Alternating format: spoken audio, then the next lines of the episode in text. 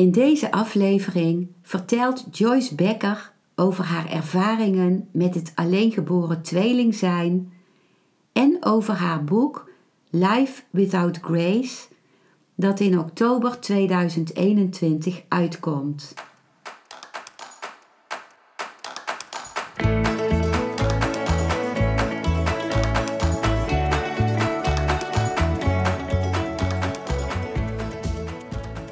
Welkom bij een nieuwe aflevering van Modita's podcast Van Pijn naar Zijn.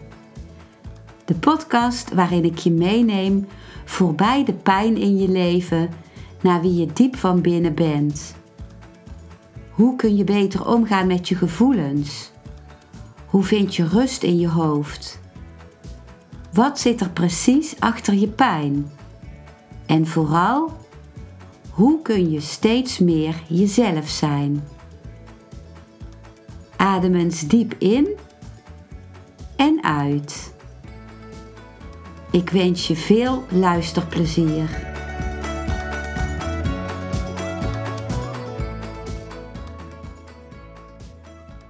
Deze aflevering is een vervolg op aflevering 30 van deze podcast waarin ik vertel over mijn ervaringen met het alleengeboren tweeling zijn.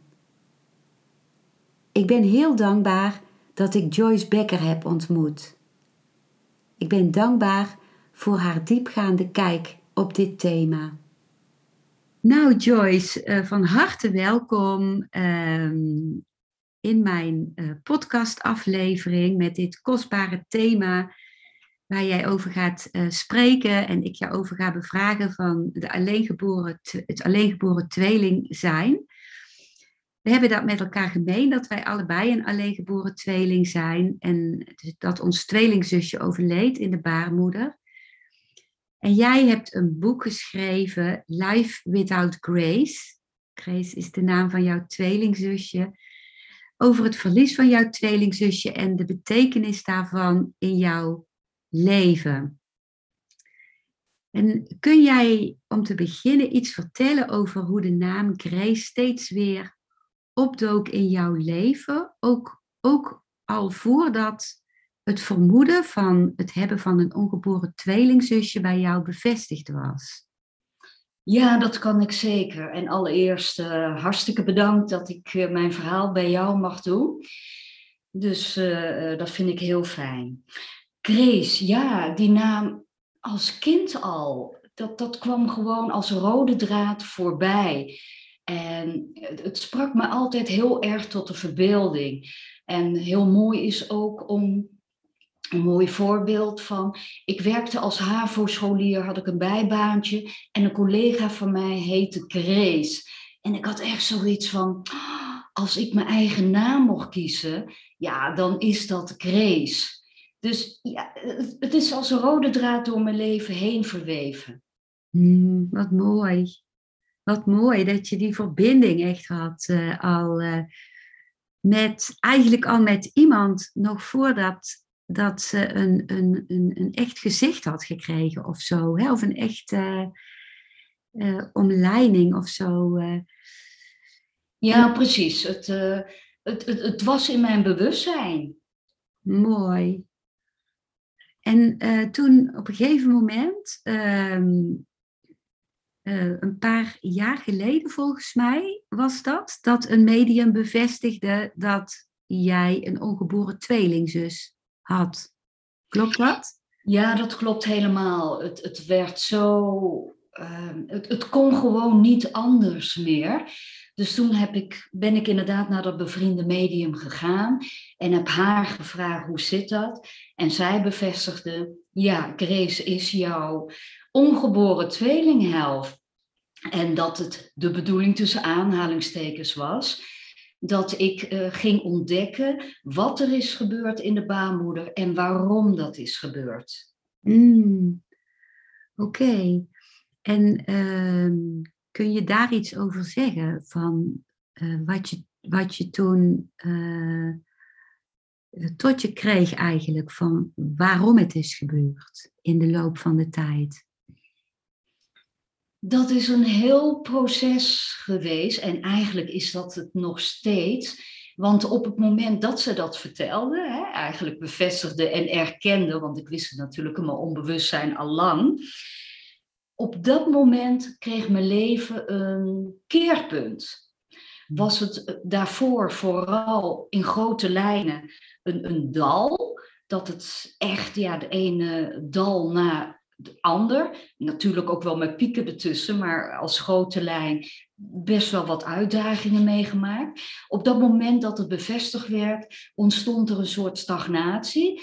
En ehm, die ommekeer kwam toen ook. En sindsdien is het eigenlijk alleen maar de andere kant op gegaan. Dus dat bewustzijn heeft heel, heel veel gedaan in mijn leven. Maar, want wat was jouw exacte vraag hierover, Modita? Ja, dat is mooi dat je zegt van wat er toen veranderde. Hè? Toen, toen je, dat er het, eerst iets soort stilstand en dat er toen alles in een opwaartse spiraal ging voor jou. Hè?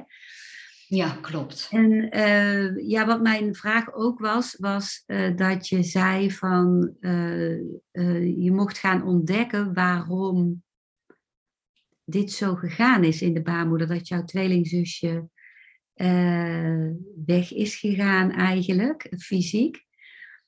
En wat heb je daarover ontdekt voor jouzelf?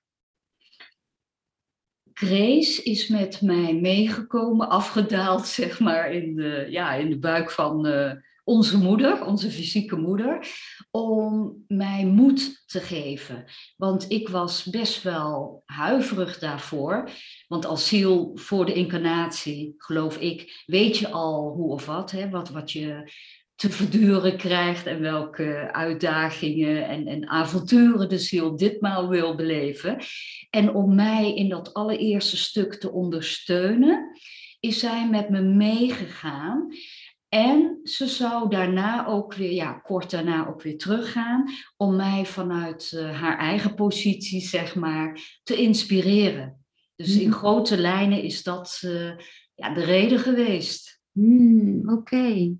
Wat, wat, wat mooi om te horen. Dus ze heeft jou echt vergezeld om je te helpen om in te dalen in dit leven ook. En is jou blijven steunen in jouw leven. Je zei ook dat je het boek samen met haar schrijft, hè? Voor uh, het boek uh, Life Without Grace.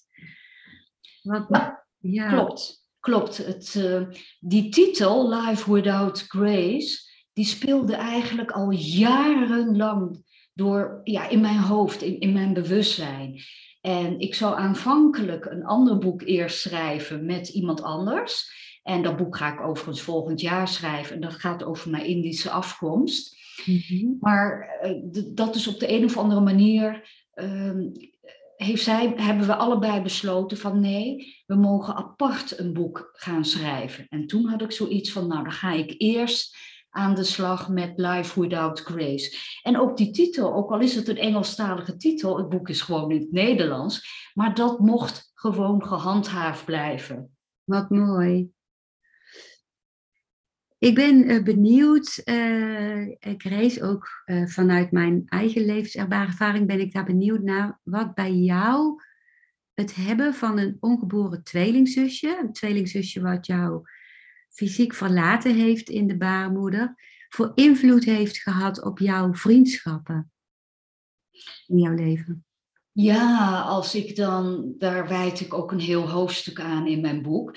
Want het bijzondere is dat ik vriendschappen, en, dan met name met uh, vriendinnen, dat ik dat als kind al heel bijzonder ervaarde. Achteraf weet ik dus dat ik een levenslange zoektocht heb gehad naar Grace toe, mijn zusje toe. En dat vertaalde zich naar uh, vriendschappen die eigenlijk verder ging dan, dan een standaard vriendschap. Dat, dat je het zelfs kon hebben over versmelting. Als het even kon, dan wilde ik versmelten met die vriendin van dat moment. En ja, op, op de HAVO was dat al mijn beste vriendin. Nou, ik ging voor haar bijna letterlijk door het vuur en zij uh, voor mij. Wat ook uh, bijna letterlijk zo is gebeurd toen ik werd geconfronteerd met haar, laten we zeggen, manipulatieve vader. En uh, hij ervoor heeft gezorgd dat we uit elkaar gingen en we allebei heel erg verraden voelden. Verraad, verraad is ook een thema waardoor ik de vriendschappen in mijn leven heb beëindigd, omdat ik me verlaten en in de steek gelaten voelde door die ander. Hmm. Oké, want je had natuurlijk in de baarmoeder die hele intieme relatie gehad met Grace. En dan viel het zo tegen als, als dat niet zo tot stand kon komen als toen. Klopt dat? Ja, um, er is maar één Grace en er is maar één, ja, wie het dan ook was, uh, met, met die vriendinnen die ik in de loop der jaren heb gehad, met die vriendschappen. En uh, we hebben allemaal een eigen zielenplan.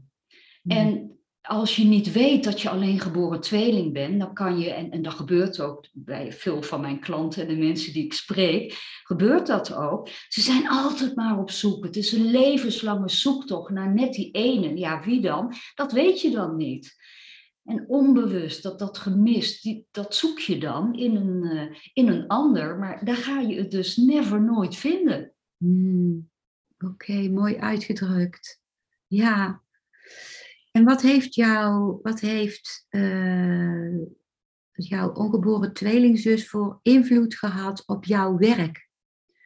Op, op het, zoek, het vinden van werk? Heel veel, want ook daar vertaalde zich naar het altijd maar op zoek gaan, geen vervulling hebben. Ik vond van meet af aan, ja, ik wil niet zomaar werken, het moet vervullend zijn. En, en ik ging echt, ik hopte van de ene baan in, in uh, loondienst van de ander. En ook in moeilijke economische tijden, bam, werd ik ook aangenomen tijdens sollicitatiegesprekken zelfs. En ik, ik, ik had zo'n ambitie, zo'n drive om vervulling te vinden.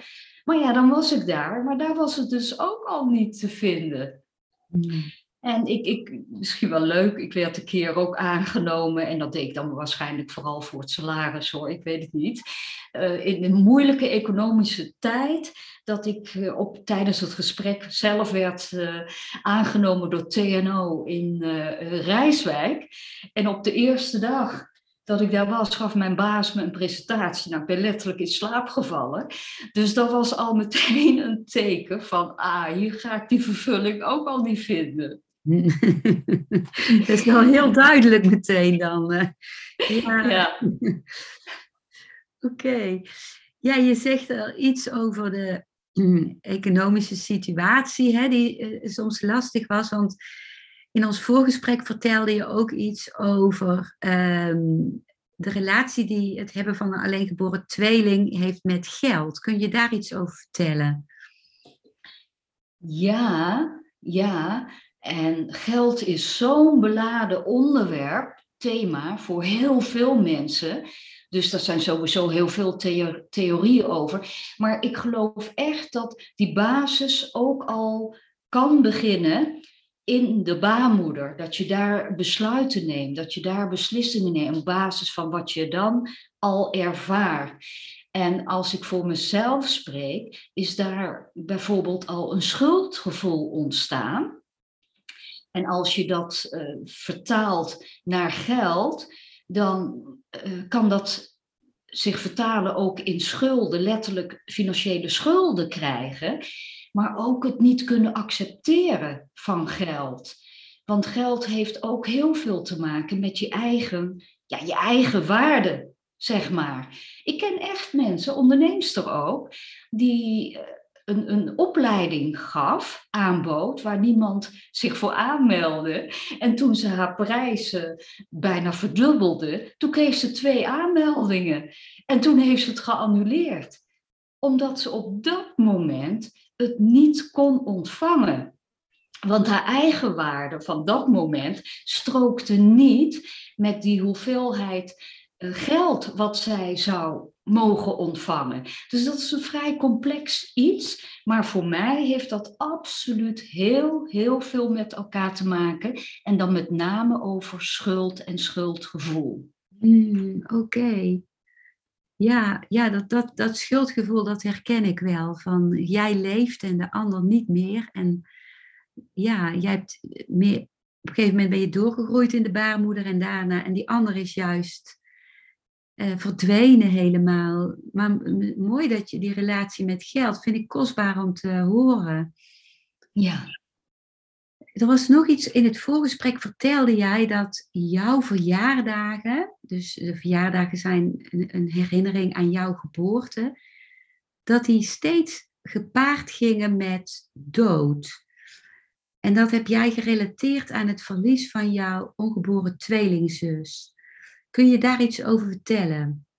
Ja, ook al een, eh, een, een besluit wat je in de baarmoeder maakt. En op het moment dat je wordt geboren, ja, jij wordt geboren en die ander niet. En dat heeft een bepaalde lading. En bij mij heeft dat zich geuit. Ik zal drie, kort even drie voorbeelden noemen. Bijvoorbeeld toen ik, ehm, ja, ik weet niet eh, hoe oud ik toen werd hoor, maar op mijn verjaardag, mijn familie was erbij. En uh, nou, heel fijn, uh, allemaal een drankje en een hapje. En toen belde oom en tante aan, want oma was overleden. Dus in no time was iedereen vertrokken, er moest voor alles worden geregeld. En ja, ik bleef daar alleen achter met, met de halflauwe hapjes inmiddels en de halfvolle glazen. En uh, ik voelde me zo enorm in de steek gelaten. Dus dat is één voorbeeld. En een ander heel mooi voorbeeld is, ja, toen ik uh, 50 werd, Sarah werd. Ik woonde toen met mijn twee tienerkinderen samen. Ik was inmiddels gescheiden. En ik had voor mijn naaste familie een leuke dag georganiseerd. Maar voordat we vertrokken, kreeg mijn dochter een berichtje van een goede vriendin. met wie zij enkele dagen daarvoor nog was eh, afgestudeerd. En dat meisje, die vriendin, die was verongelukt die nacht samen met haar broer toen zij terug naar huis ging na een examenfeestje. Nou ja, je kan je voorstellen dat uh, mijn dochter in alle staten was en dat die dag eigenlijk ook in het teken stond van die dood van dat meisje. Mijn dochter was er wel overal bij, maar ja, de, de dag is dan meteen gekleurd. Hmm. Dus dat is het tweede voorbeeld. En het derde, dat is het meest recente, was op mijn 55ste verjaardag. En dat vind ik ook een hele mooie leeftijd, metafysisch gezien ook. En het is een engelengetal. Op mijn 55ste verjaardag, toen ik wakker werd, ja, toen ben ik niet aan de cappuccino gegaan en er hingen geen slingers. Ik ben naar het appartement van mijn jongste zus Bonnie gegaan, want zij kreeg die ochtend euthanasie. Dus zij zou dit leven eh, verlaten en de huisarts, ja, die kon eigenlijk alleen nog maar op die dag. En ik weet nog, eh, mijn laatste afscheidswoorden aan haar waren: hey, doe God de groetjes van me. Nou, toen verscheen er nog een, eh, een glimlach op de mond. En dat waren haar laatste woorden. En ik heb nog een tijdje bij haar gezeten, althans bij haar lichaam. En toen ik na een uur, anderhalf uur later vertrok, keek ik nog om. En op dat moment besloot ik, vanaf nu is 12 juli niet alleen mijn geboortedag, maar het is ook de bevrijdingsdag van mijn zus. Dus hè, dat is ook dubbel. Mijn, mijn, zusje, mijn fysieke zusje, die was uh, over. En mijn, uh, ja, Grace, mijn allereerste zusje, zeg maar, ja, die, die kon ik vanaf dat moment ook vrijlaten. Oké, dus je bedoelt, het was de bevrijdingsdag ook van Grace. Uh, jou. Wat, van wat, allebei, ja. Mooi. Oh, daar krijg ik gewoon koude rillingen van. Dat is echt heel erg mooi. Ja, ja. En, en sindsdien op mijn verjaardag ja, eh, drink, eh, hef ik echt het glas op, op allebei mijn zussen. En, en vier ik hun bevrijding mee. Wauw, wat is dat mooi zeg. Wauw, wat is dat kostbaar. Ja, mooi, ja. dankjewel. Ja, oh, dat, dit is echt een heel mooi beeld, vind ik. En ook, ja, heel mooi.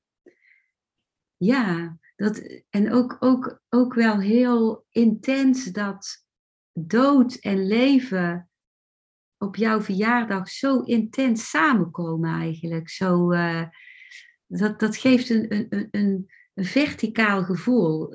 Door de tijd heen of zo. eh, In plaats van een, een horizontale tijdlijn of zo. Zo'n gevoel geeft het bij mij.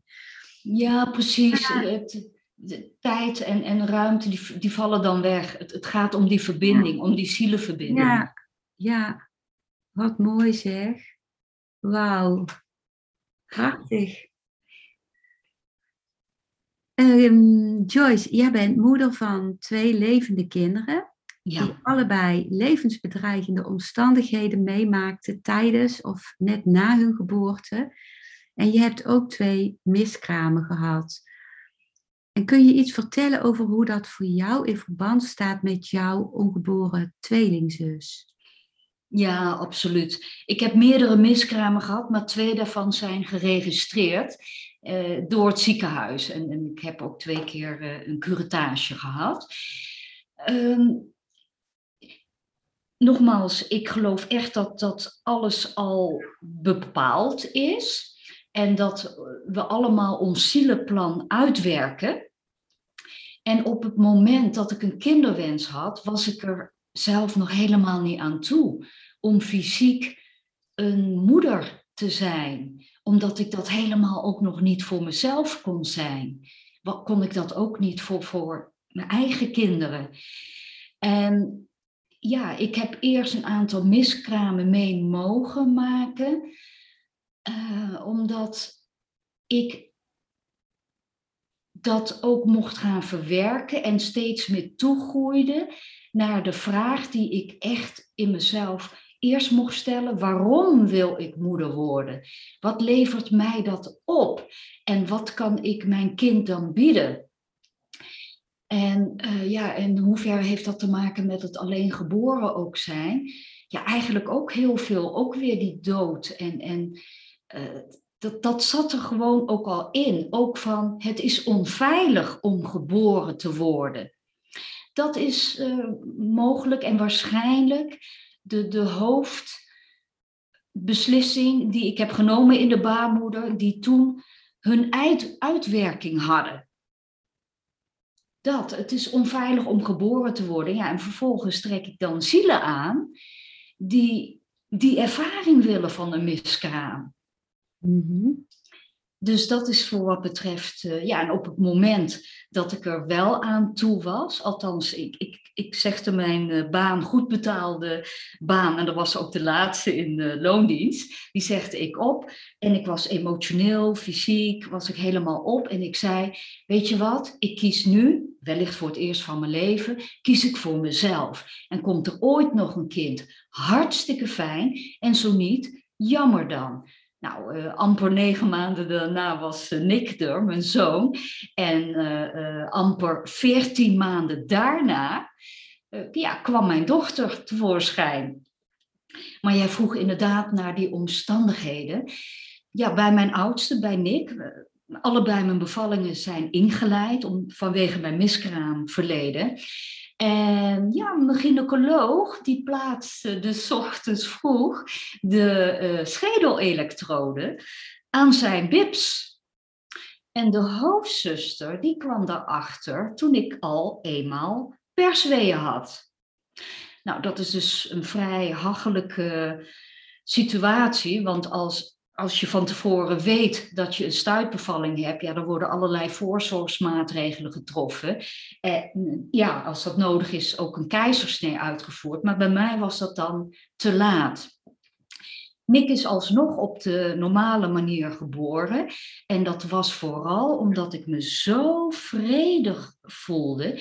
Ik kon me helemaal overgeven.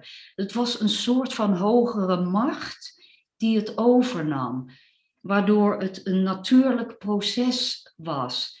Want de dienstdoende gynaecoloog die heeft daarna nog tegen mij gezegd: Ik moet u feliciteren, want als u niet zo rustig was geweest, ja, dan zou het zomaar verkeerd zijn afgelopen. Wauw, krachtig hoor. Ja, dat was bij mijn zoon. En bij mijn dochter was het zo. Nou, dat was een vrij kleintje, dus die vloepte er zo uit. En ze kreeg een tien als achtbaar score. En als trotse moeder helemaal uh, glunderend op de afdeling met die kleine in mijn hand. En ik legde haar in haar uh, en toen begon ze te kuchen. en aanhoudend te kuchen. Nou, de zuster erbij, die trommelde al heel snel de kinderarts op. En in no time ja, ging Jessie naar, de, naar een andere afdeling en lag ze in de couveuse. Nou, door allerlei onderzoek bleek dat ze een longontsteking had opgelopen, waarschijnlijk tijdens de bevalling. En het was maar net de vraag of zij de volgende ochtend zou halen. Nou, dat heeft ze uiteindelijk wel gedaan. Het is echt een knokkertje ook. En het was gewoon ook de bedoeling dat uh, zowel zij als ik dit mochten uh, doormaken. Maar ook daarbij was het van, ja, dat, dat die dood zo verweven was aan de geboorte. Mm, ja. En dat kan dus, zoals je hoort, heel ver doordringen als je dat niet in de gaten hebt. Ja, goh. Heel intens, ja. Goh. Ja, absoluut. Heel, heel intense ervaring. Ik heb daar ook een apart hoofdstuk aan gewijd in mijn boek. Wat, wat, wat, wat mooi. Dat lijkt me heel interessant om te lezen. Ja. En wat heeft jouw alleengeboren tweeling zijn daarna uh, voor invloed gehad op jouw moederschap? Mijn moederschap. Ja, ik uh, gaf net al aan dat ik om verkeerde redenen, verkeerde intenties al überhaupt in het begin een kinderwens had. Want de enige opvoedkundige uh, slogan die ik in mijn hoofd was, wat, was ik weet precies hoe het niet moet. Dus Joyce wist precies hoe het wel moest. Ja, niet dus. En dat had ook nog een uitwerking toen mijn kinderen eenmaal geboren waren. Ik had het zwaar, want ik had mijn verleden, die had ik weggemoffeld. En eigenlijk met de geboorte van mijn kinderen beleefde ook die pijnlijke ervaringen uit mijn verleden ook een hergeboorte. Heel maf hoe dat ging. En ik kon daar niet meer omheen. Dus als jonge moeder en ook daarna heb ik, uh, ben ik er absoluut fysiek vooral heel erg geweest voor mijn kinderen. Maar ondertussen zat ik een hele innerlijke strijd met mezelf te leveren en, en met de demonen in mij. Want die wilden ook gezien worden. En mijn innerlijke kinderen die zo gekwetst waren. Dus al met al, en dit heeft echt uh, een tijd lang geduurd, ja, kan ik zeggen van, weet je, ik ben niet de allerbeste moeder voor ze geweest. Maar ik ben wel de beste moeder geweest die ik kon zijn. En dat heeft geleid nu tot een moeder waarvan ik vind, en ik denk mijn kinderen ook wel, van ja, ze, ze hebben wat aan me. Omdat moeder stabiel is en die heeft haar verleden verwerkt. En ze kunnen bij mij terecht. Hmm, wat mooi. Ook, ook heel, heel kostbaar dat je dat zo eerlijk zegt tegen je kinderen. Dat, uh, hebben ze dat gewaardeerd? Ja, ja, dat hebben ze zeker gewaardeerd. Want eh, toen mijn ex en ik gingen scheiden, toen waren allebei mijn kinderen waren net beginnende tieners. Ja, dat was een ongelooflijke moeilijke tijd voor, voor mijn kinderen ook, net zoals het voor mij was, was het ook voor mijn kinderen zo. En in, op die leeftijd ook. En in die belevingswereld. Dus dat is ook allemaal eigen leven gaan leiden. En ik erken dat. Ik erken hun pijn en hun eenzaamheid. En ik, uh, ik weet ook, want ik geloof echt ook in systemisch werken, dat wat ik niet verwerk in mijn systeem, ja, dat dat zomaar kan doorgaan op mijn kinderen. Hmm. Dus ja. Uh, ja. al met al, ik, ik, zou niets anders doen met de, ja, met de kennis en, en de wijsheid die ik nu heb. Zo moest het gewoon gebeuren. Oké. En op dit moment, uh, Grace, hoe ervaar jij de aanwezigheid van jouw tweelingzus in jouw leven? Zij, ja, Grace is er uh, als ik haar echt contact met haar maak. Zij schrijft met mij dit boek, Life Without Grace. En ze komt dan door als inspiratie. En ook in dit gesprek is zij erbij, want ik heb nu al een paar dingen gezegd die ik niet zou hebben bedacht van tevoren. Mm -hmm. Dus ook tijdens dit gesprek inspireert ze mij. En weet je, ook al zou Grace zeggen van na dit project, na ons gezamenlijk project, van hé, hey, mijn zielenplan wil nu dat ik uh, iets anders ga doen, dan mag ik haar ook loslaten. En ja, ik, ik vind het natuurlijk super tof en gaaf als ze nog een tijdje bij me is. Maar ik weet dat zij haar eigen uh, zielenplan heeft, net zoals ik dat heb. En dat dat bovenaan staat, dat mogen we respecteren. Wauw, dat, dat vind ik heel mooi dat je dat zegt. Want dat is ook iets wat jij benadrukt in jouw boek, hè, van het belang van autonomie voor jezelf en je ongeboren tweelinghelft. Ja, absoluut. En uh, we komen allemaal, onze ziel die wil allemaal afzonderlijk van elkaar, uh, wilt die alles beleven wat hij maar beleven kan. En, en dat uitzicht dan in een zielenplan voor dit leven, een volgend leven en al onze vorige levens. En we trekken dan een tijdje met elkaar op, in dit geval met je alleengeboren of met je tweelinghelft, ongeboren tweelinghelft, net zoals Grace en ik. En dat vind ik super fijn, super warm en ik ben daar zo ongelooflijk dankbaar voor. Maar blijf, en dat zeg ik ook tegen de luisteraars en, en de lezers van mijn boek, maar blijf wel respect houden voor je eigen autonomie, wat jij ook net zegt, en die van je tweelinghelft. Hmm. Dat staat bovenaan. Wat mooi. Ja, dat is heel kostbaar. Ja, Dus dat is eigenlijk eerst de ontmoeting met de tweelingzus en dat helemaal ervaren. En daarna ook het realiseren weer van, hé, hey, we zijn allebei een autonoom iemand. Dus er zit een hele groei in als ik jou uh, zo hoor. En uh, ja, ja, en dan was eigenlijk heel mijn leven een, uh, een, een, een uh, het proces. Dat, dat is altijd al vanaf het moment, nee, daarvoor al is het begonnen. Op het moment dat ik afdaalde samen met Grace, mhm. is het proces begonnen en dat gaat nog steeds door. Mooi hoor. En uh, in oktober komt jouw, gaat jouw boek uitkomen, hè? Life Without Grace. En hoe kunnen mensen die jouw boek willen bestellen, uh, jou benaderen? Ze kunnen het allerbeste naar lifewithoutgrace.nl. Ja, de .com zal ik ook uh, verzorgen dat dat lukt. Maar ik denk dat het meest logische is lifewithoutgrace.nl. En daar vind je dan de meest actuele informatie. Hmm. Want die wordt dan iedere keer ook bijgewerkt. Hmm. Oké, wat mooi.